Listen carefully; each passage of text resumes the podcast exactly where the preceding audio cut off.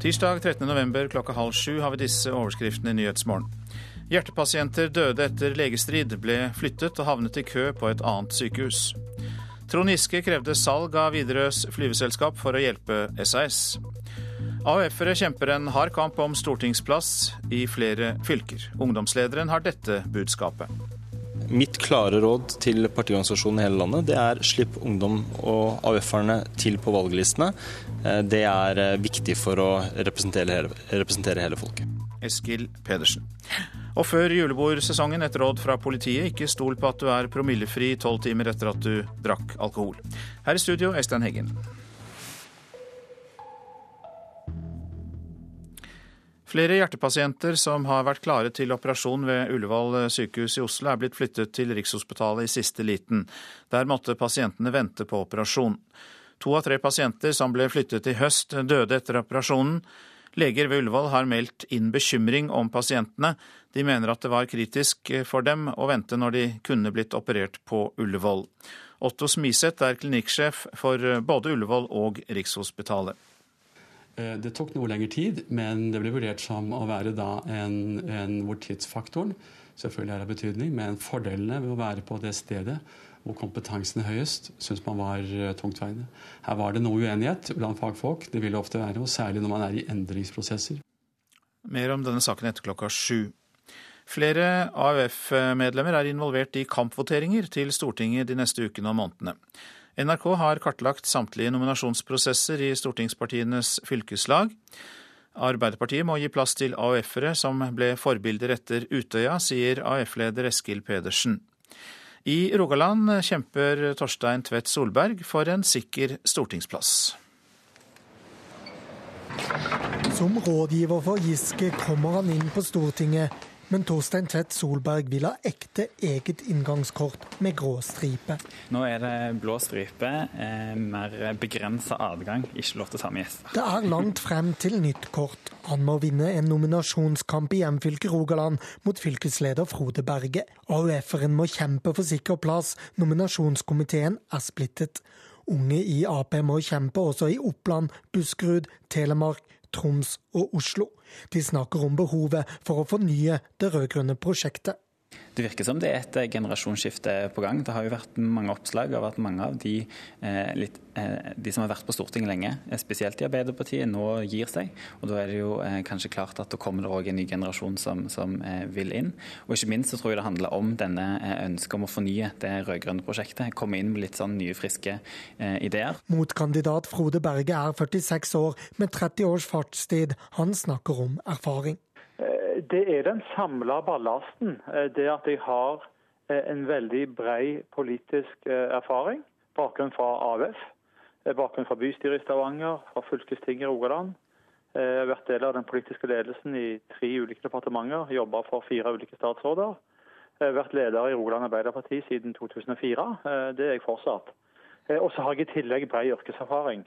De to er enige om at Rogaland Arbeiderparti har godt av en nominasjonskamp.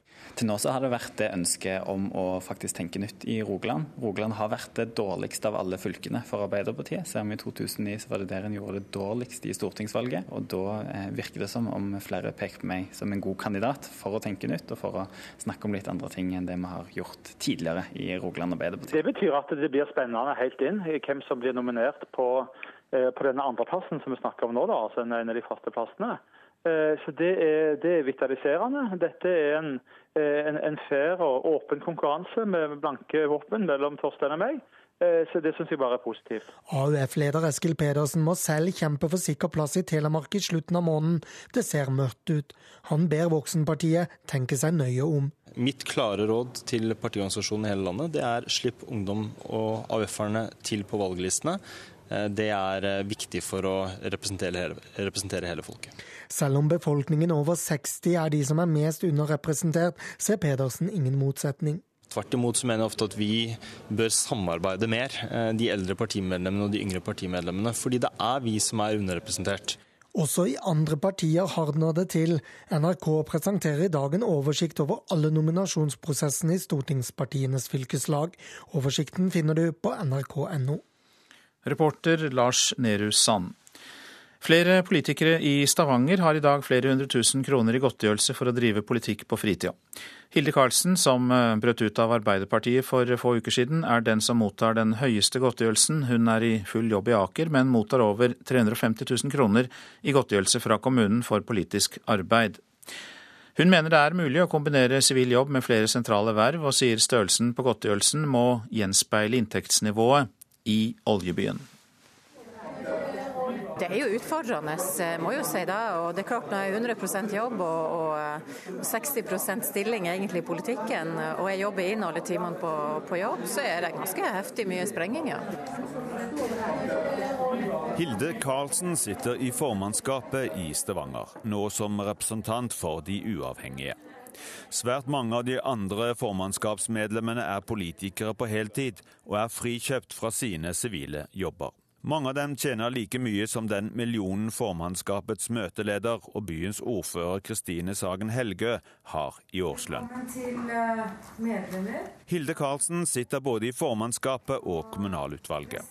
Det alene gir en inntekt eller godtgjørelse på nær 250 000 kroner. I tillegg sitter hun både i arbeidsutvalget og utvalget for byutvikling. Det innebærer nye 118 000 kroner.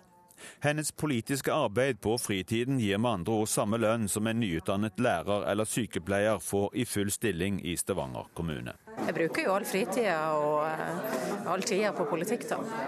Ville du, hvis du hadde hatt ledning til det, foretrukket å bli frikjøpt i større grad for å kunne drive enda mer med politikk? Ja, altså jeg uh, søkte jo partiet om å få 20 frikjøpt. Det fikk jeg jo uh, avslag på. Dermed så har jeg jo 100% stilling. Hvis du har så mange kommunale verv, så kan ikke jeg forstå at det lar seg kombinere med å ha en 100% jobb utenom. Sier formannskapsmedlem Bjarne Kvatsheim fra Senterpartiet. Også han er kommunalråd i Stavanger kommune, og er trolig den av kommunalrådene som totalt sett tjener minst. Han har så langt spedd på med en lærerstilling i 20% Den sier han nå opp for å drive politisk arbeid på fulltid. Det betyr i praksis at han går ned i lønn for å få bedre tid til politisk arbeid. Ja, Etter dette året så, så har jeg ikke sjans. Altså, det, det, er veldig kjekt å være politiker, og, men det er veldig arbeidskrevende òg. Det, det, krever en fem dager i uka. Kvatsheim reagerer på at det er mulig å kombinere 100 sivil jobb med omfattende politisk arbeid på fritiden. Som kommunalråd og medlem i den politiske ledergruppen i Stavanger går stort sett hele tirsdagen med til ulike møter. For det får medlemmet nær 150 000 kroner i året. Som medlem i formannskapet er godtgjørelsen 90 000 i tillegg, og er man med i et kommunalutvalg, og også utvalgets arbeidsutvalg, kan det gi fra nye 60 000 til 120 000 kroner i Stavanger. Da er man på nivå med en gjennomsnittlig bruttoinntekt i Rogaland. Da er jo verver eh, og betaling for verver i en så størrelsesart at du skal kunne frikjøpe deg fra ditt ordinære arbeid. Men det er jo tydelig at det er noen som klarer å kombinere 100% stilling med de 350 400 000 de får i politisk godtgjørelse. Ja, og det på en måte må være litt opp til deg å vurdere sjøl om, om det er rett eller ikke. Reporter i Stavanger, Ståle Frafjord. Den norske regjeringen skal ha framsatt knallharde krav da de tre statlige eierne i SAS hadde forhandlet flyselskapets framtid. Ifølge flere medier har viljen til å hjelpe SAS økonomisk vært større i Sverige og Danmark, mens Norge har stått hardt på at flyselskapet Widerøe måtte selges. De tre statlige eierne i SAS Norge, Sverige og Danmark har i flere måneder hatt møter om framtiden til selskapet, etter at det nok en gang trenger hjelp for å trekkes ut av en økonomisk hengemyr.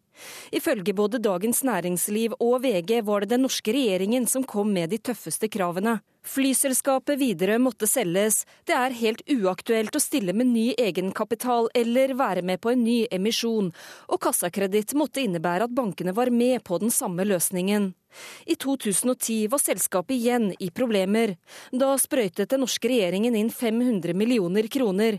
I går sa næringsminister Trond Giske på Dagsnytt 18 dette om å gi selskapet mer kapital. Ja, og vi har vært veldig tydelige også nå at eh, det å skyte inn ny egenkapital i selskapet, slik vi gjorde i 2010, det vil sitte utrolig langt eh, inne, og vi var ikke villige til å gjøre det nå heller. Dagens Næringsliv skriver at viljen til å hjelpe SAS skal ha vært langt større i Sverige og Danmark.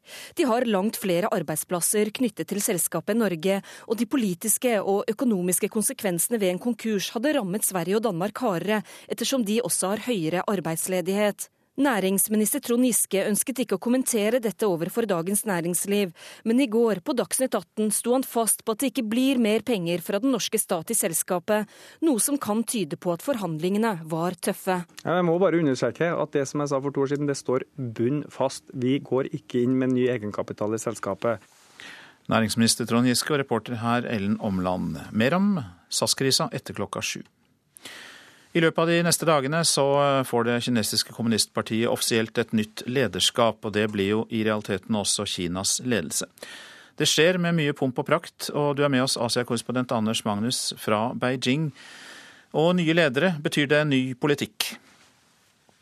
Det er det mange kinesere håper på. Eh, hva, det, hva den nye politikken går ut på, er eh, veldig uklart. Fordi de nye lederne, eller i hvert fall de vi tror kommer til å bli to av dem, de andre er mer usikkert, eh, har ikke sagt noe som helst om hva slags politikk de ønsker å føre. Det er ikke praksis her i Kina. og Foreløpig så har dagens partiledelse med Hu Jintao i spissen sagt at man skal føre samme politikk som de har ført i ti år. Eh, det tror jeg ikke går. Det er for mange sosiale problemer her. Men den nye ledelsen vil nok eh, sette seg godt i stolen og også få de sivile vervene som eh, de skal motta i mars, som president og statsminister og, og også minister i regjeringen, før de gjør noen store endringer. Så det kan nok ta litt tid før vi får se hva det nye lederskapet vil, vil komme fram med.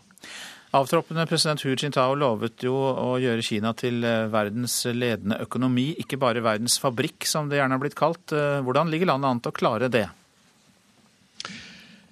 Foreløpig så har de ikke gjort så mye med det, for å si det sånn. Det, alle snakker om at dette må gjøres, og det tror jeg er riktig også.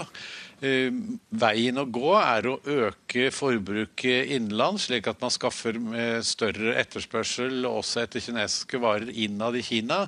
Men også at staten bruker mer penger innenlands, både til eh, helsevesen, skoler, men også til å subsidiere boliger. og Eh, og helseforsikring, pensjoner, eh, alle slike ting som vi kjenner fra vårt velferdssamfunn, det må til for å modne økonomien i Kina, så å si, slik at man ikke er avhengig av å være verdensfabrikk og bare eksportere varer til utlandet. Vi har snakket om partikongressen tidligere i Nyhetsmorgen, Anders Magnus, men i motsetning til andre politiske arrangementer, så er det vel vanskelig å si at det har vært noen overraskelser underveis, eller hva sier du? Nei, overraskelsen har vel vært at eh, det ligner eh, litt på Nord-Korea, eh, det vi har sett i de siste dagene. Hvor delegater har fortalt om at de har grått når de har hørt denne knusktørre talen til Hu Jintao. Og noen har til og med skrevet dikt for å prise denne fantastiske talen. Dette her er jo rent skuespill, eh, og delegatene har som oppdrag eh, å lytte til talen og diskutere den, dvs. Si eh, prise den, og ta budskapet med seg nedover i sin partiorganisasjon. Her i Kina foregår jo alt fra toppen og nedover. Det er ikke grasrota som får sine saker oppover i systemet. Mange takk skal du ha, Asia-korrespondent Anders Magnus. Flere reagerer på at Trond Ali Lindstad får Kongens fortjenstmedalje i sølv. Lindstad er konvertert muslim og redaktør for nettstedet koranen.no. Der har han uttalt seg mot jøder og det han kaller jøders nettverk, innflytelse og uhederlighet. Seniorforsker Terje Embeland ved det norske holocaust-senteret mener tildelelsen er en skandale, og han mener da at Lindstad spiller på den klassiske myten om jødisk verdenssammensvergelse. Så til det avisene skriver. Final call for SAS-ansatte er oppslaget i Klassekampen. Fagforeningene frykter sosial dumping når lønnskostnadene skal kuttes. Dette betyr SAS-språket for passasjerene, skriver Dagbladet, og konkluderer med at priser og ruter blir som før, men at det kan bli innført gebyrer. Jernbanen er uten kontroll for mot terror, skriver Bergens Tidende. Det er verken ressurser eller kompetanse i Statens jernbanetilsyn til å sikre jernbanen mot terror eller sabotasje. Tilbyr seg å bygge bybane på fire år, er oppslaget i Stavanger Aftenblad. Tunge næringslivsaktører tilbyr seg å ta regningen for første trasé av en bybane i Stavanger ut til flyplassen. vil sette en grense for hva pasienters liv er verd. Det er oppslaget i Aftenposten. En halv million per leveår bør være grensen for hvor mye samfunnet skal betale for å holde en pasient i live, foreslår helseøkonom. Frykter farlige barnehager, er oppslaget i Dagsavisen. Kutt i barnehagebudsjettene skaper frykt for sikkerheten blant foreldre i Oslo. Rema 1000 åpner døra for lokale bønder, skriver Nasjonen. Butikkene skal bli en rekrutteringsarena for lokale bønder. Det sier utviklingssjef i Rema, Vidar Andersen. Nordmenn finner seg selv i bokhylla, leser vi i Vårt Land. Nyreligiøsitet og selvhjelp dominerer i en bokhøst som er rik på det avisa kaller ny åndelighet. Ubrukelige politibiler, skriver Nordlys. Flere politibiler i Tromsø tåler ikke frost, og koster det offentlige opptil 120 000 kroner i vedlikehold hvert år. Sangeren Torstein Sødal jaktet etter Europas billigste symfoniorkester, men han fant bortgjemte barnehjemsbarn i Moldova, skriver Fedrelandsvennen. Nå blir det dokumentarfilm om den utradisjonelle bistandsarbeideren. Uakseptabelt, ja det sier Rosenborgs styreleder Ivar Koteng til Adresseavisen. Fotballagets mange tap i det siste skal opp i et ekstraordinært styremøte. Vi holder oss til fotball, for Mohammed Abdeloui har ingen planer om å forlate Hannover med det første. Moa har stort sett vært på benken eller ute med skade denne sesongen, men søndag så var målene tilbake. Han skåret to mot Stuttgart, så for øyeblikket er ikke, noe, er ikke klubbskifte et alternativ. Nei, jeg har ikke tenkt så mye på det. Eh, jeg har spilt fast i to år og så har jeg vært litt på benken nå de siste månedene, så det er eh, jeg er ikke, jeg er ikke så, så, urolig, for å, for å være helt ærlig. Litt urolig derimot er landslagssjef Egil Olsen, men han fikk med seg Moas to skåringer i helga, og håper det kan gi mer spilletid for 27-åringen, selv om det er en hard kamp om en plass på klubblaget. Jeg vet jo at han konkurrerer med en tre-fire andre spisser der som også holder ganske høyt nivå. Så det er ikke noe sovepute å være i Hannover. Men eh, så, så, så det eneste jeg er opptatt av, er at han får eh, såpass mye spilletid at han kan bli viktig for landslaget òg. Men Abdelawi mener det er ingen grunn til bekymring. Det vil bli mer spilletid framover. Jeg føler at det begynner å løsne og begynner å komme seg. og Bygge meg opp sakte, men sikkert. Men jeg er ganske trygg på meg sjøl. Jeg veit at når jeg er i form og 100% så, så er den plassen min. og det, Sånn er det bare. Og i morgen så er Moa med når Norge spiller privatlandskamp mot Ungarn. Den kampen den hører du altså i morgen kveld eh, klokka 20.30 på NRK P1. Reporter her, det var Simen Sveen. Klokka går mot 6.48. Eh, Dette er hovedsaker i Nyhetsmorgen. Hjertepasienter døde etter legestrid, ble flyttet og havnet i kø på et annet sykehus. Trond Giske krevde salg av Widerøe flyveselskap for å hjelpe SAS. Og politisk arbeid på fritida kan gi en godtgjørelse som tilsvarer en sykepleierlønn.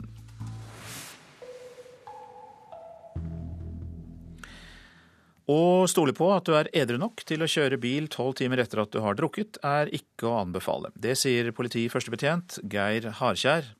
Julebordsesongen nærmer seg jo, og det kan bety en kveld i fuktigste laget. Og da blir vi med en festdeltaker på promilletest. Jeg håper 0,2, så jeg får kjøre senere i dag.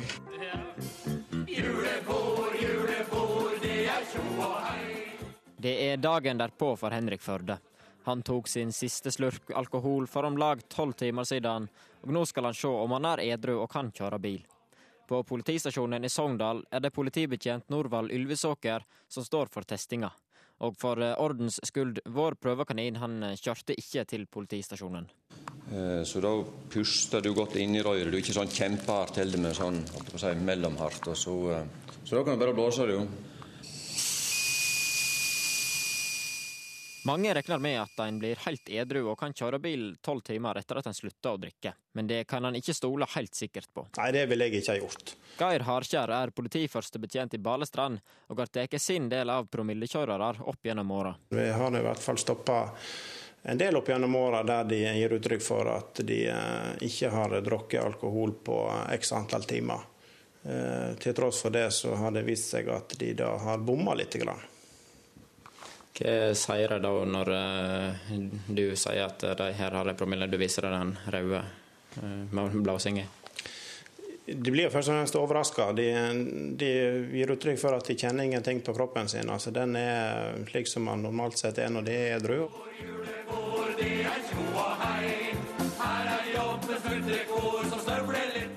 Det er mange faktorer som spiller inn på hvor raskt alkoholen, eller etanol for å være helt korrekt, blir forbrent i kroppen. For noen kan tolv timer være nok til å bli edru, medan andre trenger mer tid, forklarer lege Mariann Kapstad. Menn med en stor kroppsmasse og høyt, høyere vanninnhold i kroppen enn det kvinner har, forbrenner mer alkohol og tåler generelt mer, eller større mengde alkohol enn det kvinner gjør.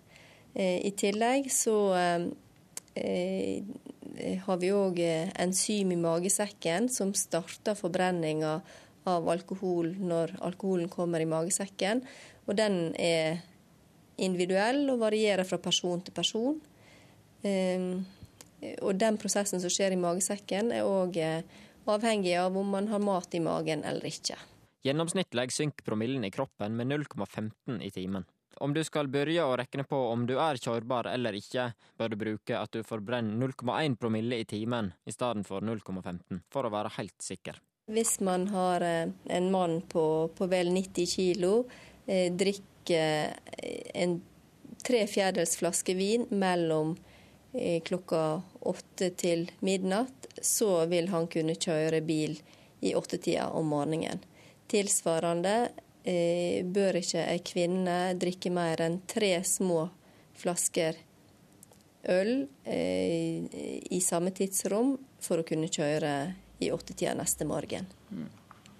Så det er, ikke, det er ikke mye som skal til for at det går en del timer der du ikke kan kjøre? Nei. Så. Nå er vi spente her. Så vidt jeg viser 0,00, så da har du ingen promille nå i hvert fall. Det lover bra. Var du overraska? Nei, egentlig ikke.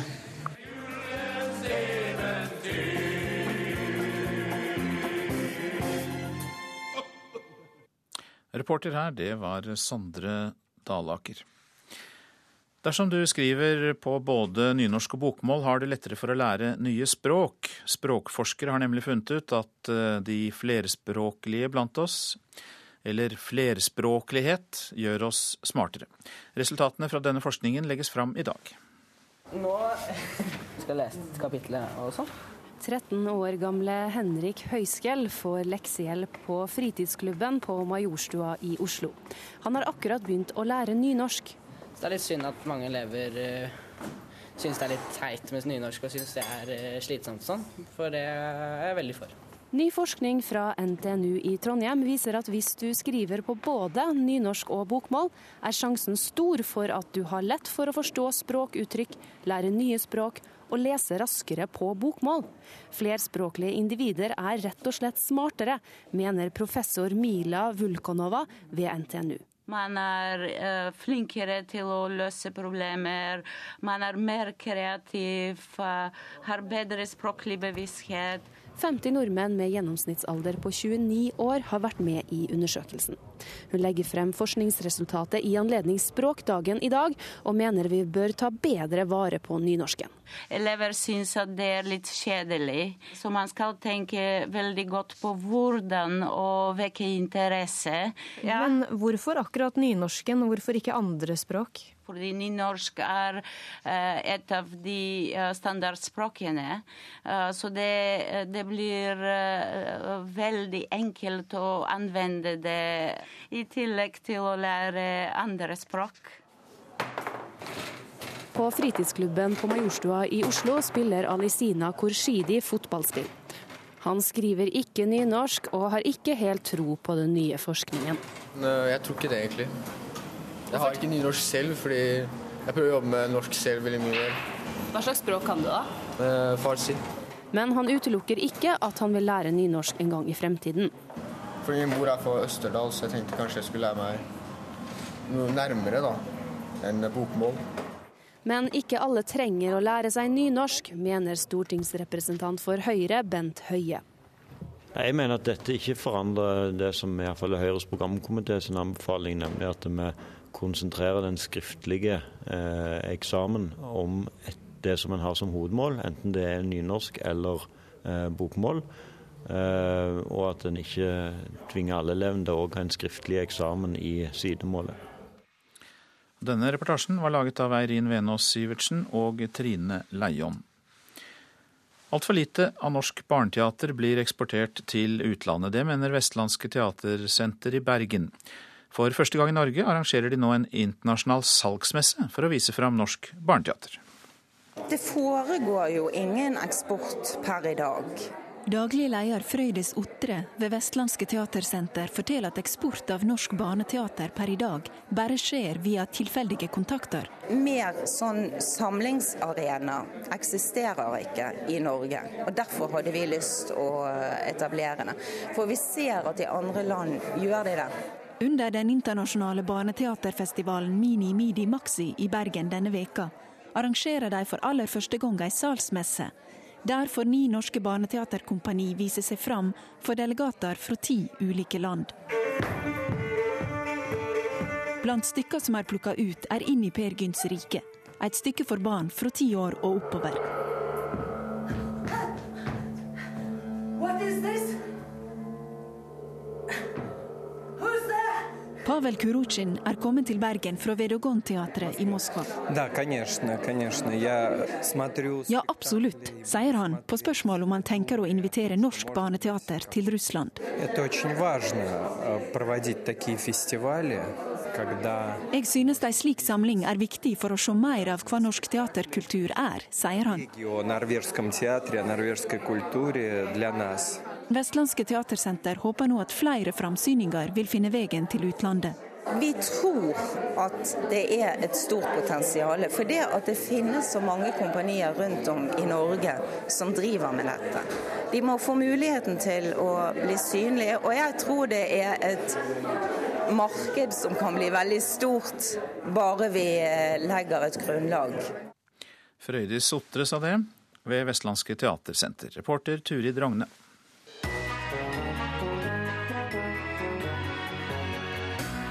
I Radioselskapet i dag kårer vi verdens underligste måter å velge religiøse ledere. De egyptiske kopterne har jo valgt ny pave ved å la en gutt med bind for øynene stikke hånda ned i en glassbolle og trekke en papirlapp med navnet på den nye paven. En slags hellig tombola. Klokka 11 i P2 får du høre de tre mest kreative måtene å velge religiøse overhoder. Så litt om været. Fjellet i Sør-Norge. Liten til stiv kuling utsatte steder. Tilskyende, stedvis tåke. Fra i formiddag litt sludd og regn sør for Dovre. Vesentlig i vestlige strøk. Østafjells får tilskyende vær og stedvis tåke. Litt regn og yr i Agder. Fra i ettermiddag også nordover til Oslo. I kveld sørvestlig liten kuling i ytre Oslofjord. Vestlandet sørlig liten kuling. Fra Karmøy til Ona periodevis sterk kuling. Litt regn og yr. Snø i fjellet på Vestlandet. Lokal tåke. I kveld sørvestlig sterk kuling på Sunnmøre, opp i liten storm ved Stad i kveld, og økende nedbør blir det nord for Bergen. Trøndelag får oppholdsvær. Fra i ettermiddag sørlig liten kuling. I kveld blir det regn og snø i fjellet i Trøndelag. Nordland sludd- og snøbyger, vesentlig nord for Bodø. Fra i formiddag sørlig periodevis liten kuling, etter hvert litt regn fra sør. Troms nordvestlig stiv kuling, snøbyger. I formiddag minkende vind og oppholdsvær. Vest-Finnmark med vidda. Nordvestlig liten storm. I formiddag minkende, seint i kveld bris. Snøbyger og snøfokk. Vanskelige kjøreforhold på Vest-Finnmark, i Vest-Finnmark, bl.a. pga. sterk vind og denne, denne snøen og dette snøfokket vi nevnte. Øst-Finnmark vestlig stiv kuling, sterk kuling i sør først på dagen. I ettermiddag nordvestlig liten kuling og i kveld bris. Snøbyger. Nordensjøland på Spitsbergen, der blir det nordlig bris og pent vær. Så tar vi for oss temperaturene slik de ble målt klokka fire i natt. Svalbard lufthavn minus åtte, Kirkenes pluss én, Vardø pluss tre. Alta null, og det samme var det i Tromsø og Bodø, null grader. Brønnøysund pluss tre, Trondheim er nede i minus én, Molde pluss én. Bergen-Flesland pluss fem, Stavanger pluss åtte. Kristiansand-Kjevik minus én grad. Gardermoen og Lillehammer pluss fire. Nei, det var eh, minus fire på Gardermoen og Lillehammer. Røros nede i minus ni, og Oslo-Blindern hadde minus to. Og eh, etter klokka sju her i Nyhetsmorgen så skal vi snakke både om SAS-krisen eh, og BBC-krisen.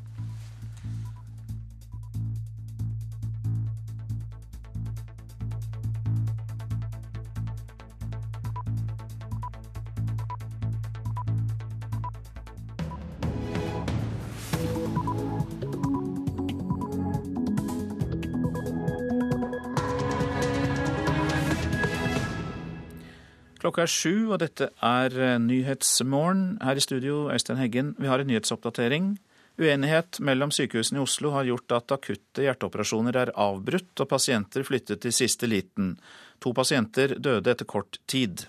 Det er en del av eh, prosessen, som jo er hovedhensikt med hele fusjonen i Oslo. Å samle det kompliserte på færre hender for å skape enda tryggere kirurgi. Det sier klinikksjef Otto Smiseth. Trond Giske krevde at SAS kvittet seg med Widerøe før eh, den norske regjeringen eh, skulle være med å hjelpe selskapet. Norske bedrifter mangler arbeidskraft og reiser utenlands for å rekruttere. Vi er nødt til å se utover eh, Norges grenser for å få tak i den kompetansen vi trenger. Skal vi klare å realisere de prosjektene som står for tur. Det forklarer Martin Devor i Statoil. Flere politikere får flere hundre tusen kroner for å drive med politikk på fritida. Og bruken av anabole steroider får stadig større aksept hos unge gutter og menn, og det bekymrer helsevesenet. Vi ser at mange unge mennesker faktisk velger å utsette seg for alvorlig helseskade for å oppnå et kroppsbilde som vi ikke helt skjønner at de ønsker seg. Det sier overlege Reidar Høyfødt. Den siste tiden har flere hjerteoperasjoner ved Ullevål blitt avbrutt i siste liten før pasienten er flyttet videre til Rikshospitalet. Både Ullevål og Rikshospitalet er en del av Oslo universitetssykehus, og hjerteavdelingene har felles ledelse. I tre tilfeller har operasjonsteam på Ullevål vært klare, men pasientene ble flyttet og måtte vente på operasjon på Rikshospitalet. En pasient var lagt i narkose. Den erfarne kirurgen klar. Så kommer beskjed om å avbryte. Den felles ledelsen vil ha pasienten opp til Rikshospitalet. Mannen må vente ei veke, og dør kort tid etter operasjon. Otto Smiseth er klinikksjef ved hjerte-lunge-karklinikken, som er felles for Rikshospitalet og Ullevål. Generelt er målet nå å samle mer av de kompliserte og risikable operasjonene ved Rikshospitalet, forklarer han. Det er en del av, eh, av den omstillingen og prosessen som jo er hovedhensikt med hele fusjonen i Oslo å samle det kompliserte på færre hender for å skape enda tryggere kirurgi. Ei kvinne trengte operasjon raskt. Klare Ullevål-leger får ikke lov. For det er nye retningslinjer om fordeling av pasienter. Hun må vente halvannet døgn på operasjon ved Rikshospitalet, og dør kort tid etter. Det er i alt avviksmeldinger på tre hjertepasienter som er blitt flytta. Klinikksjef Otto Smiseth kan ikke uttale seg om hver enkelt, det ønsker ikke pårørende. Men han sier målet var klart for de alle tre. Hele hensikten var å øke tryggheten for den pasienten. Eh, for å trekke inn den tyngste ekspertisen på de mest kompliserte pasientene. Smiseth sitter på Rikshospitalet. Avgjørende blir tatt her. Klinikken ligger både på Ullevål og Riksen. Noen hundre meter ned i bakken på Ullevål mener de at de kunne operert umiddelbart. Men tida gikk, Pasientene ble dårligere, mens Rikshospitalet ikke hadde tid til å ta imot. Altså Tidsfaktor er alltid en faktor ved all eh, hastekirurgi. Det er alltid en avveining mellom fordelene ved å operere der du er, eh, i forhold til fordelen med å flytte pasienten til et sted med større erfaring. Helsetilsynet har sett på det ene dødsfallet, og kommer ikke med kritikk av Oslo universitetssykehus. En kan ikke slå fast at sein flytting av pasienter førte til dødsfall. Men avdelingsleder Gorm Grammeltvedt sier det som skjedde ikke var ideelt. Vår tilbakemelding er at man må bruke denne type hendelser til å lære i forhold til fremtidig pasientbehandling. Det er for å unngå å påføre pasientene den belastningen det er å, å, å få endra operasjonssted, og også få utsatt operasjon så kort tid før man har planlagt operasjonen. På Ullevål er medisinsk personell svært opprørte over beslutninga om å la pasienter med behov for øyeblikkelig hjelp vente, mens kirurger sto klare. I ei intern bekymringsmelding NRK kjenner til, skriver Ullevål-leger at det er grunn til å tro at avgjørelser og ventetida medvirker til behandlingsresultatet. Ingen tør snakke offentlig av frykt for konsekvensene, men de mener sakene viser svekka pasienttrygghet. Og det var eh, Håvard Grønli som hadde laget dette innslaget. Nå til SAS. Under forhandlingene om selskapet så skal næringsminister Trond Giske ifølge flere medier ha krevd at SAS måtte selge videre. Kilder blant långivere, eiere og i selskapet selv sier til Dagens Næringsliv og VG at det var Norge som fremmet de tøffeste kravene mot SAS som betingelse for å bli med på redningsaksjonen. Viljen til å hjelpe selskapet skal ha vært langt større i Sverige og Danmark, som både har mange arbeidsplasser og en generelt høyere arbeidsledighet. Og Trond Giske vil ikke kommentere detaljene i forhandlingene, men han sier at han stilte strenge krav. Per Valbrok, du er redaktør i E24. og Et alternativ til denne redningspakken kunne jo vært konkurs, så hvorfor er SAS så viktig at det absolutt måtte reddes? Nei, Det er et godt spørsmål. Jeg tror Noe av grunnen er det du selv var inne på, at i Skandinavia eller i Danmark og Sverige så er arbeidsleden en god del høyere enn i Norge. Og, og SAS har flere tusen ansatt i Stockholm og København. Så Det er nok noe av grunnen til at det var, eh, det var vanskeligere for svenske og danske myndigheter å si nei til nok en redningsplan enn det var for norske myndigheter, eh, som dermed kunne stå eh, hardere på sine krav. Hans Erik Jacobsen, du er analytiker i Enskilda Securities. Du er også med oss på telefon. Ville det vært bedre for Norge, hvis vi ser vårt land isolert sett, at vi ganske enkelt hadde kvittet oss med SAS og funnet andre løsninger og latt markedet overta? Nei, det tror jeg ikke. SAS fungerer jo utmerket som eh, flytransportmiddel i eh, både Norge og Skandinavia ut mot destinasjoner i, eh, i Europa. Så jeg tror man heller må gjøre det man gjør nå, det er å finne en løsning for selskapet. Gjør man det, så opprettholder man et godt konkurransetilbud og et godt flytilbud i Norden. Jeg skal spørre dere begge om dette, men først til deg, Jacobsen. SAS-sjefen tror selskapet skal klare å konkurrere på like vilkår med Norwegian. Hva tror du? Jeg tror det blir veldig tøft, og jeg tror ikke det er nødvendig å konkurrere på like vilkår heller. og Jeg tror ikke SAS skal gjøre det. SAS er et uh, nettverksselskap, mens uh, Norwegian er et point-to-point-selskap. SAS har en litt annen oppgave enn Norwegian, uh, og tiltrekker seg et mer betalingsdyktig publikum, altså forretningsreisende. Så Det som er viktig her, er at SAS har et kostnadsnivå som står til inntektene, og det er jo det man ikke har klart. Jeg syns for øvrig det er selvfølgelig viktig at man har mye fokus på kostnadene slik som man har nå, men man må vel også erkjenne at billettprisnivået er kommet altfor langt ned i forhold til et fornuftig nivå og et nivå som er mulig å tjene penger på i fremtiden. Så jeg tror like viktig er det nå å fokusere på inntektssiden. Valbrokk hamler opp med Norwegian, hva tror du om det?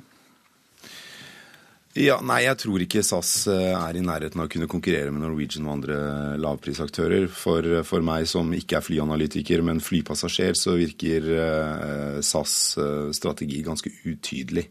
Det er ikke viktig for meg om SAS er et nettverksselskap som har gud vet hvor mange flights. Jeg kan gå inn på Finn når som helst og bestille meg akkurat den ruten jeg vil med et utall flyselskaper. Det er ikke viktig for meg som kunde, og det er til syvende og sist det som er avgjørende for om et flyselskap eller et hvilket som helst annet type selskap klarer seg på lang sikt. Det er, er det viktig for kunden.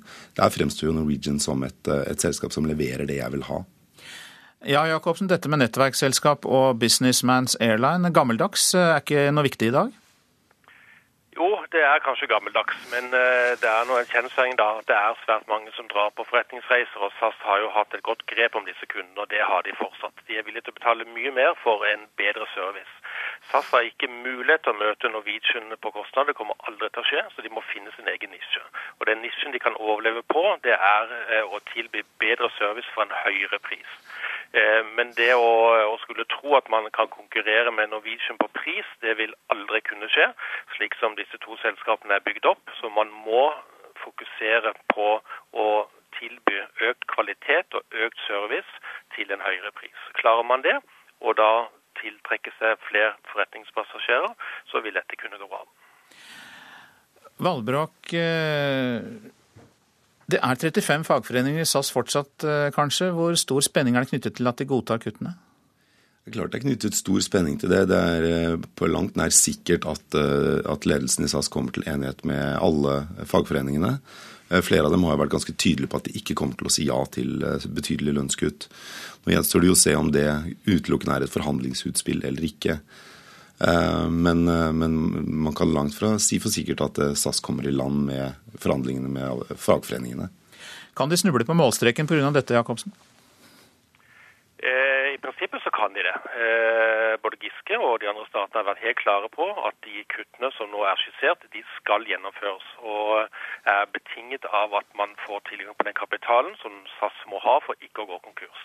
Så dersom de ansatte nå setter seg på bakbena og ikke innser alvoret, så eh, vil statene sannsynligvis si at pengene ikke er tilgjengelige, og da er konkurs en realitet i løpet av 2013. Hvem tror du er interessert i å kjøpe videre, Jacobsen? Ja, Det kan være mange. Det har jo vært en gruppering rundt de ansatte som har vist interesse. Så får vi se om de klarer å skaffe nok kapital. Eh, jeg tror også andre selskaper som driver innenfor reiseliv, eh, innenfor luftfart og hva vi kaller private equity, kan være interessert i, i videre. Det er et godt, veldrevet, økonomisk lønnsomt selskap som har betydelige utviklingsmuligheter dersom man da ikke er under paraplyen til SAS, som har vært tilfellet de senere årene. Valbrokk, eh, hvis det er så mange som kanskje er interessert i eh, videre, betyr det at vi kan komme til å selge det til utlandet? Ja, man skal jo aldri utelukke det, men jeg er ikke så sikker på om det er så mange som vil kjøpe Widerøe. Men jeg, jeg, tror nok Widerøe er et selskap det er mulig å selge.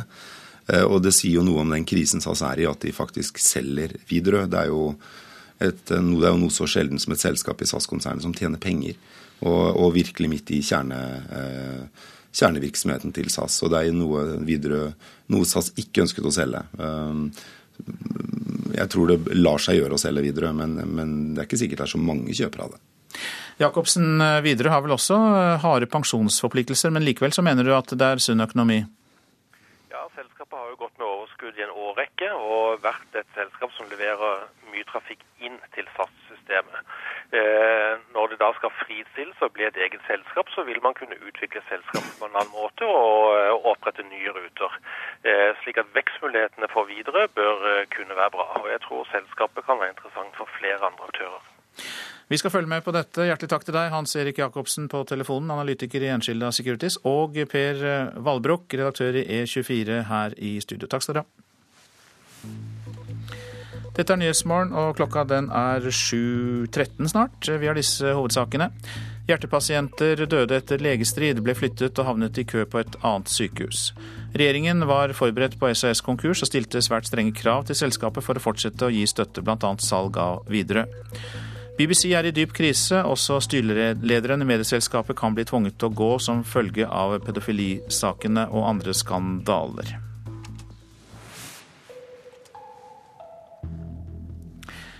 Norske bedrifter mangler arbeidskraft, særlig ingeniører er mangelvare. Nå prøver de å lokke kvalifiserte kandidater fra et kriserammet Europa.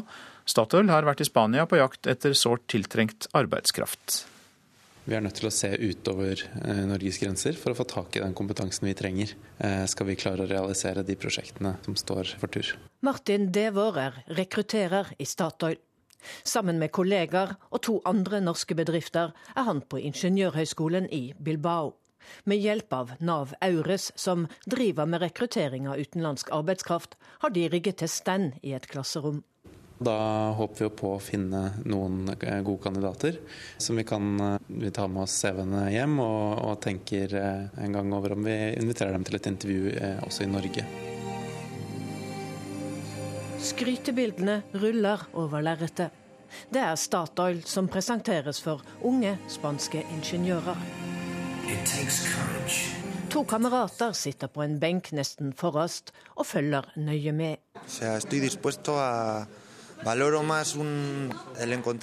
Angel er gruveingeniør og leter etter jobb i utlandet. For Spania har en arbeidsledighet på over 25% Men både Angel og kameraten Alejandro har et problem.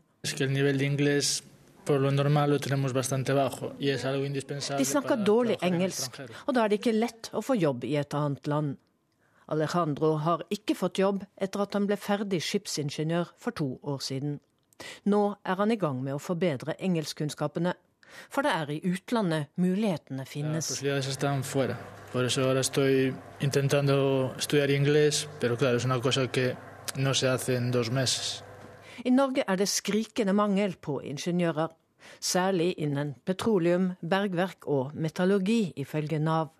Men Norge er ikke de eneste som er ute etter kvalifiserte ingeniører. I Spania er også representanter fra Holland, Sverige og Tyskland. Ja, eh, det er stor konkurranse om den kvalifiserte arbeidskrafta. Rådgiver i Aures, Elisabeth Bomo, er sammen med de norske bedriftene i Bilbao. Men vi er heldige, sier hun, for det er kjent at Norge har lav ledighet og et ryddig arbeidsliv. På et lignende arrangement i Lisboa i oktober var det innom 10 000 personer. Og nye planer er på gang et spesifikt ingeniørarrangement i samarbeid med Spania og Portugal i løpet av våren. Da kommer vi til å skreddersy en messe og invitere norske ingeniørbedrifter. Statoil hadde på forhånd lyst ut jobber i spanske medier, og fikk 250 søknader. Noen av dem blir intervjuet på Ingeniørhøgskolen i Bilbao. Vi har gjennomført en god, god del intervjuer, eh, så vi har absolutt funnet eh, gode kandidater her. Reporter Katrin Hellesnes. Det stormer rundt BBC. Først ble det avslørt at den kjente, avdøde programlederen Jimmy Savile er mistenkt for en rekke seksuelle overgrep. Så anklaget det prestisjetunge TV-programmet Newsnight feilaktig en tidligere toppolitiker for pedofili. He asked me for oral sex. I'm sickened by the vile abuse. 300 victims. This is the worst crisis. How did he get away with this for so long? Child abuse is an absolutely hateful and abhorrent crime, and these uh, allegations are truly dreadful, and they mustn't be left hanging in the air. I have decided that the honourable thing to do is to step down from the post of Director General. Noen lydglimt fra de siste dagers storm rundt BBC. Toppsjefen trakk seg i helgen etter den andre skandalen, skandalen som vi nevnte. Korrespondent Gry Blekastad Almås, du er med oss. Dette er jo for så vidt to forskjellige saker, men det ble åpenbart for mye til slutt.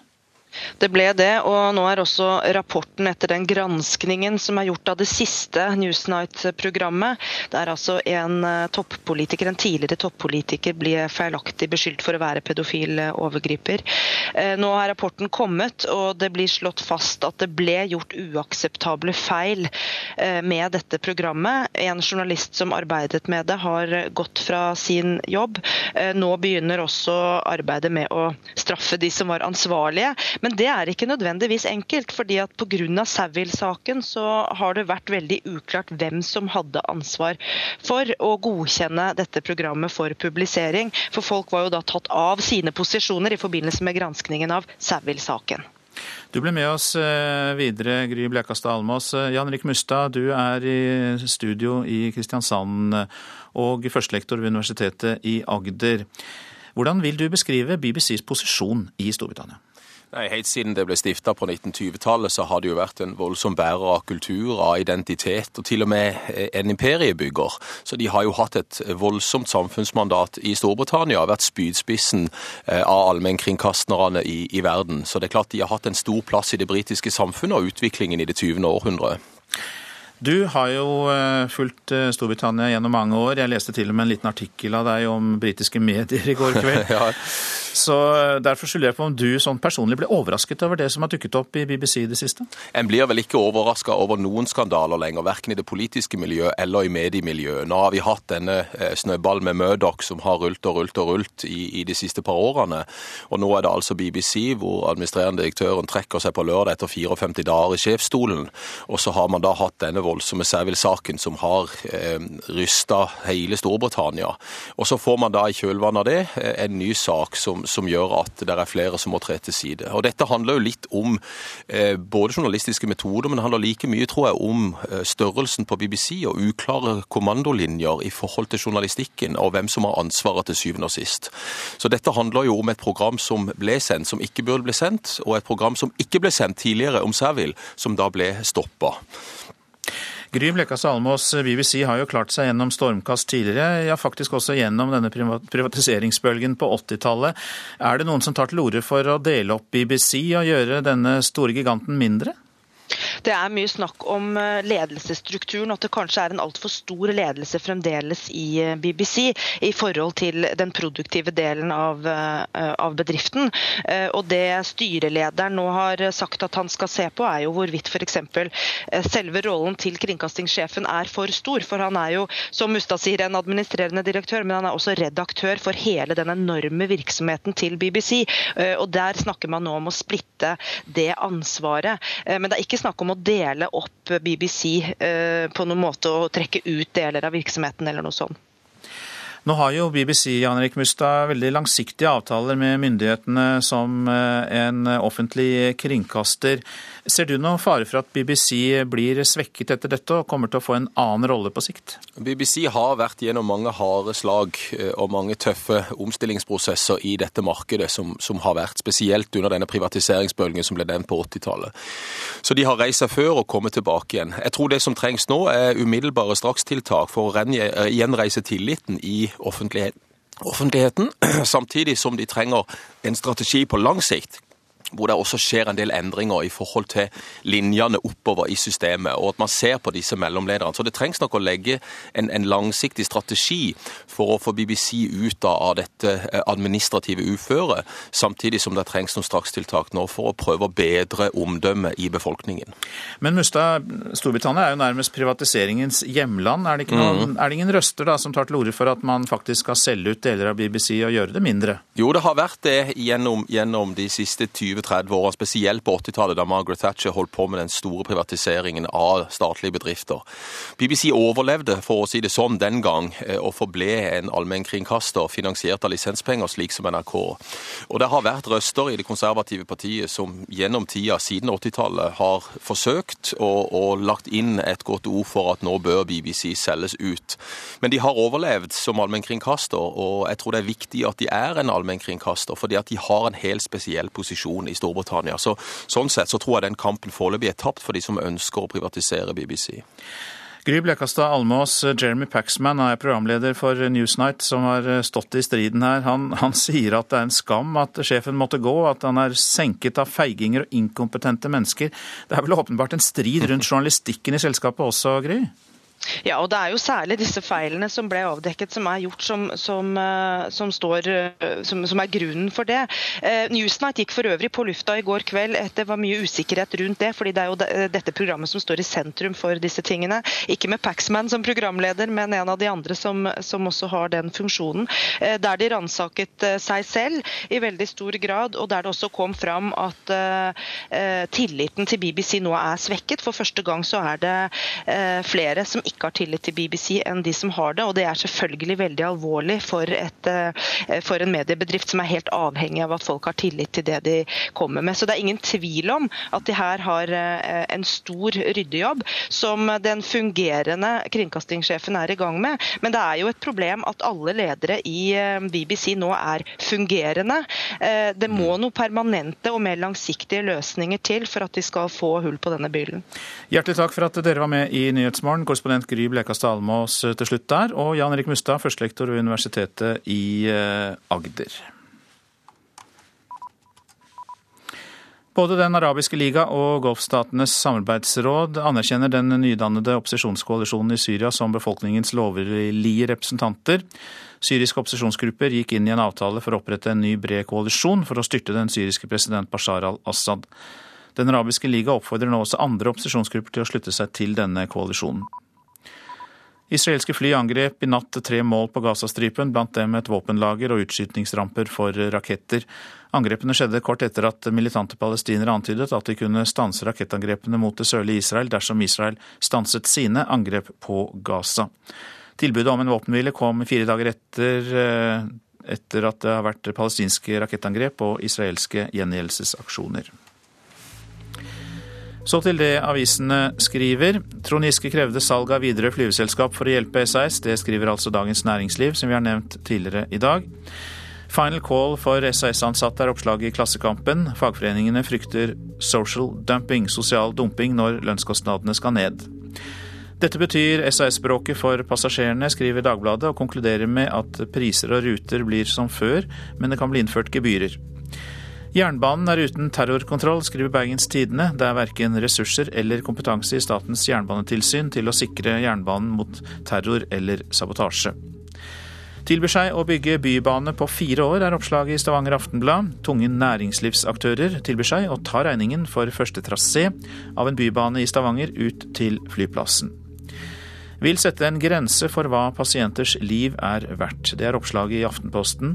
En halv million per leveår bør være grensen for hvor mye samfunnet skal betale for å holde en pasient i live, foreslår helseøkonom. Legekrangel stoppet operasjon og pasient døde, skriver VG, en sak som vi også har omtalt her i Nyhetsmorgen. Rema 1000 åpner døra for lokale bønder, skriver Nasjonen. Butikkene skal bli en rekrutteringsarena for eh, lokale bønder. Det sier utviklingssjef i Rema, Vidar Andersen. Ubrukelige politibiler, skriver Nordlys. Flere politibiler i Tromsø tåler ikke frost, og koster offentlig opptil 120 000 kroner i vedlikehold hvert år. Sangeren Torstein Sødal jaktet etter Europas billigste symfoniorkester, men fant bortgjemte barnehjemsbarn i Moldova i stedet. Det skriver Fedrelandsvennen. Nå blir det en dokumentar om eh, hans eh, utradisjonelle bistandsrolle. Uakseptabelt, sier Rosenborgs styreleder Ivar Koteng til Adresseavisen. Fotballagets mange tap i det siste skal opp i ekstraordinært styremøte.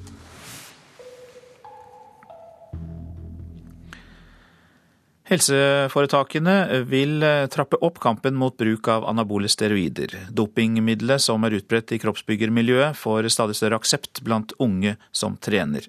Det bekymrer overlege ved rusavdelingen på Universitetssykehuset i Nord-Norge, Reidar Høyfødt. Det er bekymringsfullt. Vi ser at mange unge mennesker faktisk velger å utsette seg for alvorlig helseskade for å oppnå et kroppsbilde som vi ikke helt skjønner at de ønsker seg. Eh, og eh, dette er noe vi selvfølgelig har sett over tid når det gjelder de som ruser seg mye, og de som har en, en kriminell bakgrunn. Der har, har dette vært en, en, trekk. Men nå ser det ut til at dette er eh, mer akseptert i allmenne lag av unge mennesker som trener. Anabole steroider, eller anabole androgene steroider, er syntetiske hormoner, enkelt forklart etterligninger av det mannlige hormonet testosteron. Anabole steroider har fremfor alt to effekter, vevsoppbyggende og mannliggjørende, og de bygger opp muskulaturen ved stimulering av muskelproteiner i kroppen. Stoffet er ulovlig å selge, det gjør også at det er vanskelig å tallfeste bruken av dette. Men NRK har snakka med flere unge som trener, og de forteller at bruken er utbredt. Eivind Skjelberg er kroppsbygger. Han bekrefter dette. Eh, noe antall kan jeg ikke akkurat si, men jeg vet at eh, det er blitt veldig utbredt å bruke steroider i Tromsø. Det er det. Det er blitt veldig mer og mer normalt. Hvorfor det? Nei, hvorfor det? Det er vel bare blitt en eh, blitt en trend kan jeg si, innenfor trening. Det er bare, det er bare sklidd ut. Helsevesenet er opptatt av denne økende bruken, og de ulike helseforetakene er på banen. Det sier overlege ved UNN, Reidar Høyfødt. Og Det er også et oppdrag vi har faktisk fra uh, Helsedepartementet. Uh, via Helse Nord så det, står det i UNN sitt oppdragsdokument for 2012 at vi skal eh, fokusere og utvikle vår kompetanse på dette området. Hva er det mest bekymringsfulle ved denne bruken? Jeg tror nok eh, den psykologiske, mm, psykiske skaden eh, folk eh, får av å bruke kunstige hormoner for å øke muskelmassen, er det alvorligste. Vi vet dessverre at unge menn har endt opp med å ta livet av seg, som nok har veldig mye å gjøre med med bruk av anabole steroider. Reportasjen var laget av Tove Jensen. Etter Dagsnytt eh, skal vi høre at palestinske myndigheter er redde for kritikk og forfølger kritiske journalister og ytringer på sosiale medier. I Politisk kvarter kan du høre om de mest spennende nominasjonskampene foran stortingsvalget neste år. Prosent for Nyhetsmorgen, Silje Katrine Bjarkøy. Her i studio, Øystein Heggen. Anders Borgen Werring gjør seg klar til Dagsnytt.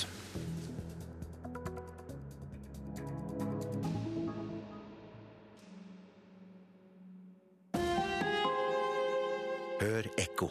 Toppskårere i norsk fotballs eliteserie. Durdic fra Serbia. Undrasjek fra Tsjekkia. Angan fra Elfenbenskysten. De store pengene har endret norsk fotball både på banen og på tribunen. Men tror du norske supportere er mer eller mindre trofaste mot klubben sin i dag? Ekko 9 11 i NRK P2.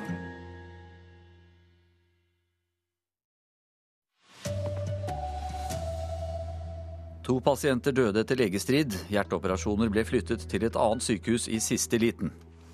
Trond Giske krevde at SAS kvittet seg med Widerøe for at de skulle få penger. Arbeiderpartiet må gi stortingsplass til AUF-ere som var på Utøya. De er forbilder, mener ungdomslederen. Ja, god morgen, her er NRK Dagsnytt klokka 7.30. Den siste tida har flere hjerteoperasjoner ved Ullevål blitt avbrutt i siste liten, før pasientene er flyttet videre til Rikshospitalet. Begge steder er en del av Oslo universitetssykehus. I tre tilfeller har operasjonsteam på Ullevål stått klare, men pasientene har fått beskjed om å vente på ledig kapasitet på Rikshospitalet. En pasient var lagt i narkose. Den erfarne kirurgen klar. Så kommer beskjed om å avbryte. Den felles ledelsen vil ha pasienten opp til Rikshospitalet.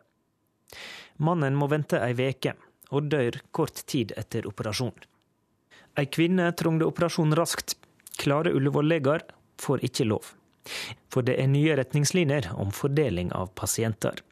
Hun må vente halvannet døgn på operasjon ved Rikshospitalet, og dør kort tid etter. Det er i alt avviksmeldinger på tre hjertepasienter som er blitt flytta. Klinikksjef Otto Smiseth kan ikke uttale seg om hver enkelt, det ønsker ikke pårørende. Men han sier målet var klart for de alle tre. Hele hensikten var å øke tryggheten for den pasienten. Eh, for å trekke inn den tyngste ekspertisen på de mest kompliserte pasientene. Smiseth sitter på Rikshospitalet. Avgjørende blir tatt her. Klinikken ligger både på Ullevål og Riksen. Noen hundre meter ned i bakken på Ullevål mener de at de kunne operert umiddelbart. Men tida gikk, Pasientene ble dårligere, mens Rikshospitalet ikke hadde tid til å ta imot. Altså Tidsfaktor er alltid en faktor ved all eh, hastekirurgi. Det er alltid en avveining mellom fordelene ved å operere der du er, eh, i forhold til fordelen med å flytte pasienten til et sted med større erfaring. Helsetilsynet har sett på det ene dødsfallet, og kommer ikke med kritikk av Oslo universitetssykehus. Men avdelingsleder Gordon Grammeltvedt sier det som skjedde ikke var ønskelig. Eh, når noe slikt skjer, så er det viktig at de har en grundig gjennomgang av hendelsen, for å unngå at det samme skjer igjen. I en bekymringsmelding NRK kjenner til, skriver Ullevål-leger at sakene viser svekka pasienttrygghet. Det sa reporter Håvard Grønli. Den norske regjeringen skal ha kommet med knallharde krav når de tre statlige eierne i SAS eh, forhandlet eh, om flyselskapets framtid. Ifølge flere medier har viljen til å hjelpe SAS vært større i Sverige og Danmark, mens Norge har stått hardt på at flyselskapet Widerøe måtte selges. De tre statlige eierne i SAS, Norge, Sverige og Danmark, har i flere måneder hatt møter om framtiden til selskapet, etter at det nok en gang trenger hjelp for å trekkes ut av en økonomisk hengemyr. Ifølge både Dagens Næringsliv og VG var det den norske regjeringen som kom med de tøffeste kravene. Blant annet at flyselskapet videre måtte selges. Det er helt uaktuelt å stille med ny egenkapital, og kassakreditt måtte innebære at bankene var med på den samme løsningen. I 2010 var selskapet igjen i problemer. Da sprøytet den norske regjeringen inn 500 millioner kroner. I går sa næringsminister Trond Giske dette på Dagsnytt 18 om å gi selskapet mer kapital. Vi har vært veldig tydelige også nå at eh, det å skyte inn ny egenkapital i selskapet, slik vi gjorde i 2010, det vil sitte utrolig langt eh, inne, og vi var ikke villige til å gjøre det nå heller. Viljen til å hjelpe SAS skal ha vært langt større i Sverige og Danmark. Redaktør i E24, Per Valebrok, tror høyere arbeidsledighet arbeidsledighet i Sverige og Danmark er grunnen. SAS eh, har flere tusen ansatt i Stockholm og København. Så Det er nok noe av grunnen til at det var vanskeligere for svenske og danske myndigheter å si nei til nok en redningsplan enn det var for norske myndigheter. Næringsministeren sto i går i Dagsnytt 18 fast på at det ikke blir mer norske skattekroner inn i SAS, noe som kan tyde på at forhandlingene med de andre skandinaviske eierne var tøffe. Jeg må bare understreke at det som jeg sa for to år siden, det står bunn fast. Vi går ikke inn med ny egenkapital i selskapet. Reporter her, Ellen Omland. Så skal vi høre at flere AUF-medlemmer er involvert i kampvoteringer til Stortinget de neste ukene og månedene. Arbeiderpartiet må gi plass til AUF-erne som ble forbilder etter Utøya, sier AUF-leder Eskil Pedersen. I Rogaland kjemper Torstein Tvedt Solberg for sikker stortingsplass. Som rådgiver for Giske kommer han inn på Stortinget, men Torstein Tvedt Solberg vil ha ekte eget inngangskort med grå stripe. Nå er det blå stripe. Først må Torstein Tvedt Solberg vinne frem i hjemfylket. 29-åringen snakker om fornyelse. Til nå så har det vært det ønsket om å faktisk tenke nytt i Rogaland. Rogaland har vært det dårligste av alle fylkene for Arbeiderpartiet. Og da eh, virker det som om flere peker på meg som en god kandidat for å tenke nytt, og for å snakke om litt andre ting enn det vi har gjort tidligere i Rogaland Arbeiderparti. Motkandidat Frode Berge, 46, vektlegger erfaringen fra politikk og yrkesliv lokalt og nasjonalt. Det er den samla ballasten. Eh, det at jeg har en veldig brei politisk eh, erfaring. Dette er en, eh, en, en fair og åpen konkurranse med blanke våpen mellom Torstein og meg.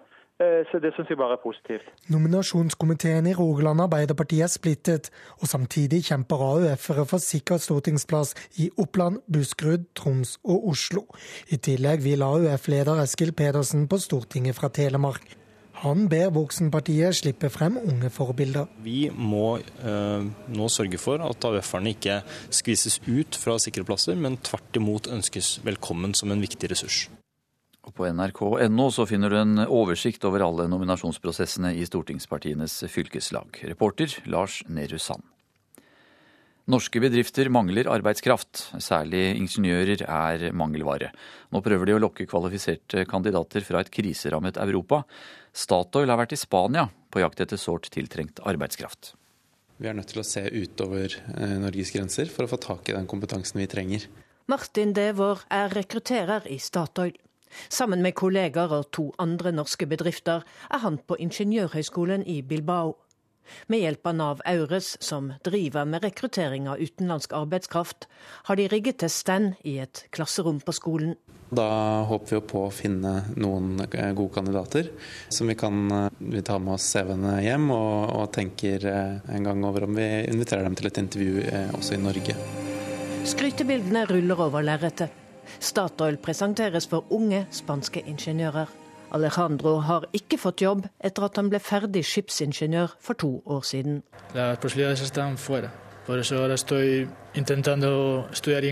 Det er i utlandet mulighetene finnes, sier han, og forteller at han vil forbedre engelsken sin for å ha bedre muligheter. I Norge er det skrikende mangel på ingeniører. Bare de tre første månedene i år ble det lyst ut over 8000 stillinger innen ingeniørfag og IKT, ifølge Nav. Statoil hadde på forhånd lyst ut jobber i spanske medier, og fikk 250 søknader. Noen av dem blir intervjuet i Bilbao. Vi har gjennomført en god, en god del intervjuer, eh, så vi har absolutt funnet eh, gode kandidater her. Katrin Hellesnes var reporter i denne saken. Flere reagerer på at Trond Ali Linstad får kongens fortjenestemedalje i sølv. Linstad har uttalt seg mot jøder og det han kaller jøders nettverk, innflytelse og uhederlighet. Seniorforsker Terje Embeland ved Det norske holocaustsenteret mener tildelelsen er en skandale. Oslo-ordfører Fabian Stang, som skulle dele ut medaljen, har trukket seg fra oppdraget. Landslagssjefen i eh, fotball er overrasket over hva Ole Gunnar Solskjær har fått til som trener. Søndag vant Solskjær sitt andre seriegull på rad med Molde. Det trodde ikke Egil Drillo Olsen at han skulle klare. Da jeg hadde ham som spiller, så var liksom ikke han den jeg først og fremst hadde tenkt meg skulle bli eh, topptrener. Antageligvis fordi han var sammen med så veldig mange andre lederpersonligheter på den tida, som også har blitt trenere, for all del. Men det var ikke Ole Gunnar jeg først og fremst hadde tenkt på. Søndag ble det gull nummer to for Ole Gunnar Solskjær i Molde, og nå har Egil Olsens tidligere elev på landslaget blitt en av de heteste trenerne i landet. Ifølge Drillo skyldes det både flaks og dyktighet. Han har eh, vært veldig flink til å, til å bygge opp et apparat rundt seg, og det er hans fortjeneste. Og så har han tatt med seg gode treningsrutiner og, og, og kultur fra, fra ManU, og har klart å få dette her eh, Naturligvis så får han noen gratis fordi han Han har den statusen han har. Han har vært den spilleren og spilt i ManU i mange mange år. Landslagskaptein Brede Hangeland derimot er ikke overraska over suksessen til Ole Gunnar Solskjær. Han mener det har ligget i kortene hele tida. Vi vet jo at Solskjær er en vinnertype, og Ole Gunnar har gått en fantastisk skole i Manchester og sikkert lært en ting og to. Både om fotball og om det å vinne fotballkamper. Det ser det ut som han har videreført og tatt med seg til Molde. Reporter Simen Sveen. Gro Arneberg er ansvarlig for radionyhetene i NRK denne morgenen. Det er Per Ivar Nordahl som er tekniker. Jeg heter Anders Borgen Werring.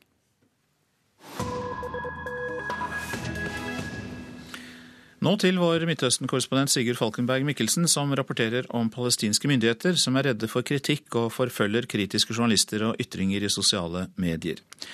En av dem som har fått merke det, er Nidal Abu Akkar, som startet en liten radiostasjon for halvannet år siden. Vi går opp en trapp i flyktningleiren Deheishe på den okkuperte Vestbredden. Veggene er malt med bilder av gamle revolusjonshelter som Che Guevara og palestinske ikoner som poeten Mahmoud Darwish. Nidal Abu Akkar leder an. Han halter litt etter en ulykke, og det tar tid før vi kommer opp til kontoret hans og det lille radiostudioet hvor det pågår en direktesending.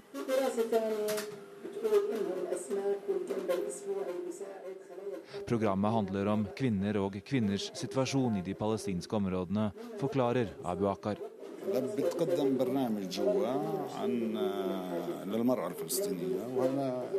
Men det som kommer ut i eteren er ikke bare politisk. Det handler også om mateoppskrifter og utenlandsk mat, denne gangen kinesisk. Radiostasjonen sender i flyktningleiren og området rundt, som omfatter Betlehem. Det er et lavbudsjettprosjekt med mye frivillig arbeid, og Abu Akkar tror at radioen kan være et medium selv i konkurranse med internett og TV.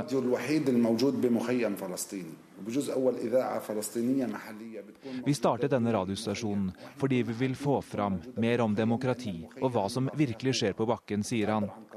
Og sier at de rapporterer om korrupsjon i de palestinske selvstyremyndighetene og deres motstand mot Oslo-avtalen.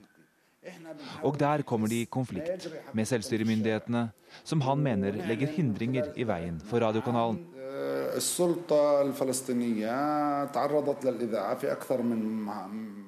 De krever bl.a. altfor mye skatt som vi ikke er i nærheten av å kunne betale, sier han. Han har sine politiske sympatier på venstresiden, og i trappeoppgangen var det også et bilde av George Habash, den avdøde lederen for PFLP, en venstreradikal gruppe som er en del av PLO, men som også står på EUs og USAs terrorliste etter bl.a. mange flykapringer. Selv har han sittet elleve år i israelske fengsel, åtte av dem uten å vite hva han var tiltalt for. Han mener at hans radiostasjon, som alle andre som ikke tilhører enten Hamas eller Fatah, blir dårlig behandlet.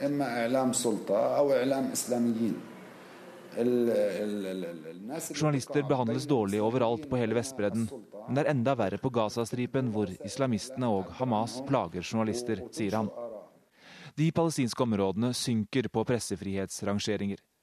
I årets rapport fra Reportere uten grenser ligger de på 153. plass av 179 land som er med på listen. Det er et fall på tre plasser, og noe av grunnen til det var bl.a. angrep på journalister som dekket en demonstrasjon mot konflikten mellom Hamas og Fatah. I de siste ukene har et nytt element kommet til, forklarer doktor Issam Abin ved menneskerettighetsorganisasjonen Al-Haq. I forrige uke var nemlig palestinernes president Mahmoud Abbas på israelsk fjernsyn og sa at han ikke trengte å dra tilbake til sin hjemby, og at det aldri vil bli noe væpnet opprør så lenge han hadde makten. في في خوف من الانتقاد وفي ملاحقه للنقد وبدليل انه بالتصريح خليني اخر اخر مرحله بالتصريح الاخير Myndighetene er redde for kritikk, og kritikk overvåkes. F.eks. etter Abbas-intervjuet var det mye kritikk på sosiale medier som Facebook og Twitter. Sikkerhetsstyrkene slo til mot noen av dem. Dette minner om slik det var på begynnelsen av året, sier han. Dette er Nyhetsmorgen, dette er overskriftene. Hjertepasienter døde etter legestrid, ble flyttet og havnet i kø på et annet sykehus. Regjeringen var forberedt på SAS konkurs, stilte svært strenge krav til selskapet for å fortsette å gi støtte. Og norske bedrifter mangler arbeidskraft og reiser utenlands for å rekruttere. Programleder i Politisk kvarter, Bjørn Myklebust. I hele Norge pågår knallharde kamper for å komme på Stortinget. Ja, og i dag gir vi deg redskapet du trenger for å følge innspurten. I alle partier, i alle fylker. Du trenger bare å skru på datamaskinen.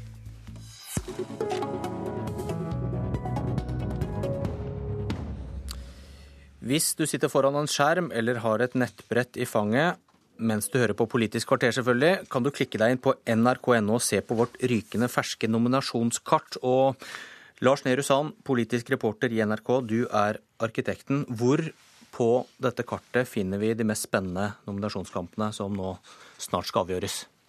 Spesielt i tre fylker i uh, Vest-Agder vil vi jo allerede denne uken få svaret på om uh, Knut Arild Hareide får beholde sin nestleder Dagrun Eriksen på Stortinget, eller om Hans Fredrik Grøvan, tidligere Lyngdal-ordfører, får, får, den plassen.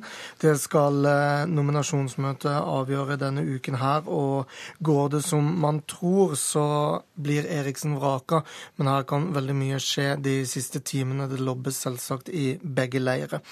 Så er det en strid vi ikke har brukt så mye tid på eh, nasjonalt i Troms Arbeiderparti, hvor eh, to av regjeringsrådgiverne, Martin Henriksen og Roger Ingebrigtsen, kjemper om en eh, førsteplass eh, sammen med en eh, lokal ordfører. Der handler det kanskje ikke så mye om alder, men veldig mye by mot land, eller som det ofte blir i Troms, Tromsø mot Røkla. Og så er det sånn at det er eh, flere interessante eh, kamper i Oslo og i Troms Fremskrittsparti så er det også to eh, menn som kjemper om førsteplassen. Du, Arbeiderpartinominasjonene skulle jo kuppes av enkelte LO-lag som, som, hevn for vikarbyråstriden. Hvordan, hvordan ser det ut til å ende? Når vi nå ser innstillingene fra nominasjonskomiteene, så er det lite å spore av eh, den eh, omfattende striden varslet tidligere i år. Både i eh, Nord-Trøndelag med Arild Stokkan Grande, ikke minst i Hedmark med Knut Storberg og Anette Trettebergstuen, så blir de innstilt på sikre plasser. Det samme med med, i Østfold og Vestfold. Eh, så, så frem til ikke skjer store endringer i selve nominasjonsmøtet når eh, stemmesedlene samles inn, så blir ikke dette eh, den oppvasken LO hadde varslet. Hvordan ser det ut i Oslo, et sted med ganske mange store profiler? Ja, Både i Arbeiderpartiet, Fremskrittspartiet og Høyre så kan mye skje på nominasjonsmøtene senere i prosessen. På Arbeiderpartiets liste så kjemper fortsatt de to AUF-kandidatene om en eller to da, sikre plasser. Det har vært eh, stor kutyme for dette. Marit Nybakk og Jan Bøhler allerede flyttet ned en plass. Det kan komme omkamper i, på selve nominasjonsmøtet med det. Høyre så vil jo mange kjempe om det som kan bli en rekordstor eh, stortingsgruppe for Oslo Høyre. Så hvem som blir de siste, eller får de siste sikre plassene, blir det seniorkandidat. Eh, Inge Lønning, Astrid Nøkkelby Heiberg har meldt seg på. Eh, I Fremskrittspartiet kan det bli kamp om den eh, sikre tredjeplassen, så her vil mye bli avgjort mot slutten. Du nevnte AUF, vi har hørt i Dagsnytt, og der er det kamp flere steder. Ja, både i Oslo, som nevnt. Troms er den tidligere AUF-lederen involvert. Så har vi hørt fra Rogaland. Eh, også i Oppland og i Telemark må AUF-kandidaten kjempe. Eh, Eskil Pedersen er fortsatt ikke sikret sin eh, tredjeplass, som han gjerne vil ha. Så hvis du klikker på Telemark og Arbeiderpartiet, da dukker du opp, AUF-leder Eskil Pedersen. Velkommen. Takk for det. Hvorfor bør du stå på fast plass? Fordi at eh, jeg har veldig lyst til å gjøre en jobb for eh, Arbeiderpartiet på Stortinget og for Telemark sin befolkning. Eh, og jeg har blitt oppfordret av flere til å stille. Og synes politikk er viktig, synes politikk er spennende, og kan gjerne tenke meg å gjøre en innsats. Hadde du vært komfortabel med at du fikk stortingsplass på bekostning av en som var klart dyktigere enn deg? Det eh, tenker jeg at eh, som regel ikke er en problemstilling noe sted, fordi at det er eh, subjektivt eh, hvem som man mener er dyktigst. Fordi man vektlegger kanskje ulike ting. Og da er det medlemmene i partiet som skal nominere og avgjøre det. Eh, og jeg har støttespillere som, eh, som kjemper for meg, og så er det selvfølgelig sånn at alle kandidater vil ha ulike kvaliteter. Så det er det ikke opp til meg å bedømme. Men kan ikke det være konsekvensen når dere krever plass for unge politikere, at kompetanse må vike? Nei, fordi at uh, jeg er veldig opptatt av at vi får stortingslister som er representative for befolkningen. Og det kan kanskje uh, nesten bare Arbeiderpartiet, som er et så stort parti med flere plasser fra de fleste fylker, være med på å bidra til. Vi kan ha med unge, vi kan ha med eldre, og vi kan ha med middelaldrende, og vi kan ha med folk med begge kjønn og med ulik bakgrunn. Og det er jo en viktig oppgave som de ulike fylkespartiene til mitt parti må sørge for. Uh, ungdom uh, har uh, en viktig plass på Stortinget, mener jeg, fordi de kjenner f.eks. skolen mye bedre enn noen andre, fordi de har det friskt i minne. De har mye tettere kontakt med ungdomsbefolkningen, og det er viktige stemmer å ha på Stortinget. Men vi trenger folk med ulik bakgrunn. Bør AUF-ere få plass på Stortinget fordi dere er blitt generasjon Utøya? Nei, det mener jeg ikke. Eh, det er jo sånn at eh, jeg tror eh, folk etter 22.07. i fjor har sett hvor flotte mange unge i politikken er, hvor sterke stemmer de er. Jeg tror de har imponert veldig mange mennesker med sin klarhet, med sin styrke. Men det viser bare at ungdom er en viktig del av politikken, og dermed bør de også være representert på listene. Men jeg tror det ingen steder er det noen som har krevd plass på listene fordi de tilhører 22. Eh, juli-generasjonen eller var på Utøya. Der skal vi selvfølgelig ha et veldig tydelig skille. Eh, men eh, at ungdom i mitt parti, AUF-erne, har vist en veldig altså vist seg fra en veldig flott side og fortjener tillit. Det mener jeg det ikke er noen tvil om. Og AUF har også blitt en større organisasjon. Vi representerer veldig mange av medlemmene i Arbeiderpartiet, og det skal selvfølgelig også telle inn i nominasjonsprosessene. Hva er det med Arbeiderpartiet som gjør at unge sliter med å nå opp? Jeg er jo ikke helt enig i den beskrivelsen, for det er jo et uh, mer blanda bilde rundt omkring i landet. Det er allerede mange AUF-ere som har blitt nominert også på sikre plasser. Eh, men eh, vi får først fasiten når alle nominasjonsprosessene er gjennomført, eh, og det kan gå begge veier. Det kan bli bra utgangspunkt for AUF med unge høyt opp på listene, men det kan også bli altfor få. Og min jobb som AUF-leder er jo å være veldig tydelig på at jeg mener det er viktig at AUF-erne er nominert på sikre plasser rundt omkring i hele landet. Det må fylkespartiene ta ansvar for, og det forventer jeg at, at de gjør. og det er eh, tøffe kamper mange steder. Jeg håper AUF-erne går seirende ut av de. Når blir din kamp avgjort? Eh, vi har nominasjonsmøte 24.11, så da får vi fasiten. Takk, Eskil Pedersen.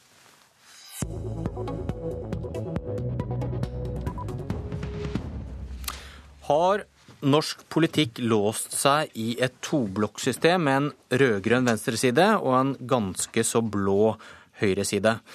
Eller finnes det en tredje vei? Eller er den i ferd med å gro helt igjen. Eh, Margaret Eide Hillestad fra Senterpartiet. Forum for sentrumspolitikk har et av sine relativt sjeldne møter i kveld. Er det kunstig åndedrett dere driver med? Nei, det mener jeg så overhodet ikke. Jeg tror dette her er noe som, som, velgerne ønsker. De ønsker ikke et eh, topartisystem. De ønsker, også, de ønsker valgfrihet også i politikken. Noen kan jo bli veldig sinte over slike forsøk på å undergrave et rød-grønt samarbeid? Dette er ikke noe forsøk på å undergrave noe som helst. Dette er et forsøk på å styrke en stemme i, i, det politiske livet som kommer fra den tradisjonen som sentrumspartiene representerer, nemlig avholdsbevegelsen, målrørsla og lekmannsbevegelsen. Og da også de lokale nærmiljøene, lokale demokratiet, lokale folkestyret. Men det kan vel være kontroversielt? Du kommer fra Senterpartiet, som da har låst seg nå i et rød-grønt samarbeid og snakke sentrumssak sammen med partier som tilhører den andre siden av kristereken, slik den er nå? Jeg ser ikke det sånn. Jeg ser det som en mulighet for velgerne til å kunne, kunne også støtte opp om sentrumspartiene. Og jeg tror det er viktig at det finnes partier som kan sjonglere litt mellom høyre- og venstresiden i norsk politikk. Ditt parti, Senterpartiet, vil hevde at regjeringen fører mye god sentrumspolitikk. Og KrF og Venstre vil garantert hevde det samme hvis de kommer i regjering med Høyre eh, eller Frp. Ja, Jeg sier ikke at det er feil. Jeg sier at et sterkt sentrum vil gjøre at sentrumsverdier får større gjennomslag, uansett hvilken regjeringskoalisjon som sentrumspartiene velger. Nå har jo Senterpartiet valgt det rød-grønne, og det er jeg veldig komfortabel med. Og tror at sentrum en, kan få gjennomslag for sine ideer den veien. Men det er jo også mulig at man kan få gjennomslag hvis man står sammen, også den andre veien, selvfølgelig. Men Senterpartiets eh, rolle er jo å ivareta de små lokalsamfunnene, ivareta miljøet, ivareta de verdiene som sentrum har felles. Og det tror vi at for øyeblikket så er det gjennom den konstellasjonen vi har valgt nå. Hva skjer på møtet i kveld? Da kommer Knut Arild Hareide, Lars Peder Brekk og Borghild Tenden, alle sentrumspolitikere, og skal motta et eh, politisk eh, manifest som vi er en arbeidsgruppe som har utarbeidet. Så først så kommer Trond Nordby, eh, som skal se da på sentrum i historisk tid, nåtid og framtid. Så vil jeg overlevere dette sentrumspolitiske manifestet til de tre stortingspolitikerne. Og så vil en eh, journalist fra Vårt Land eh, komme med en kommentar i forhold til hvordan dette har sett ut da i fortid, framtid og nåtid. Og så vil da disse tre politikerne får sagt sitt, og folk kan komme og stille spørsmål. Lykke til. Takk for, møte, takk for at du kom, Margaret Eide Hillestad fra Senterpartiet.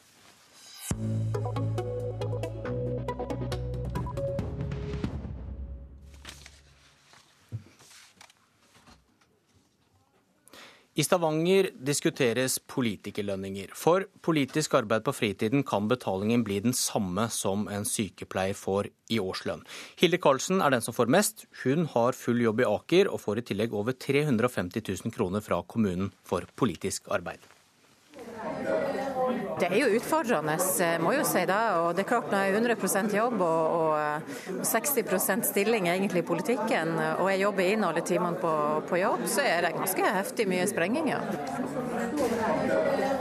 Hilde Karlsen sitter i formannskapet i Stavanger, nå som representant for de uavhengige.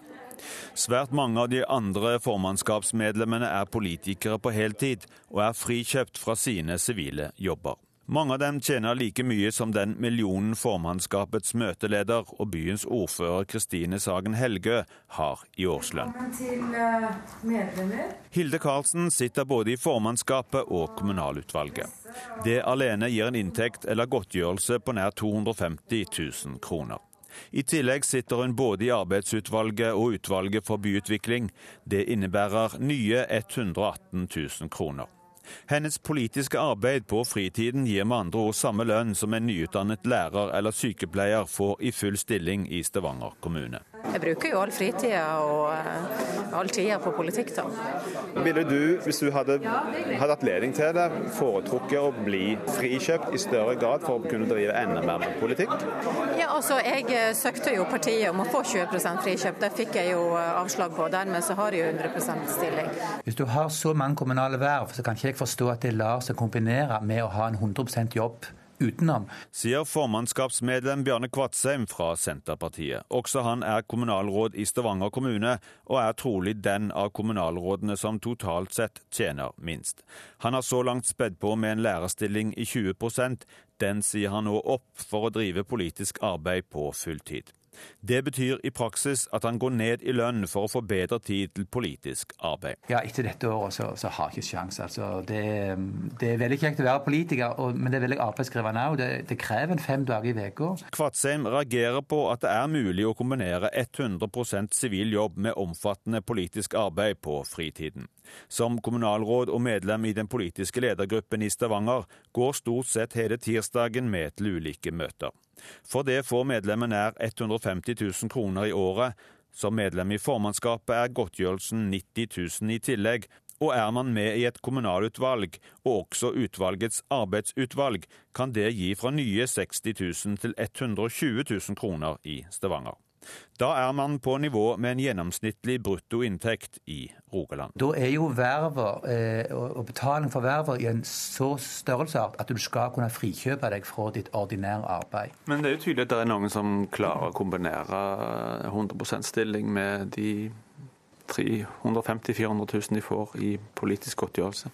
Ja, og det på en måte må være litt opp til deg å vurdere sjøl om, om det er rett eller ikke. Reporter var Ståle Frafjord. Og Politisk kvarter i dag var ved Bjørn Myklebust.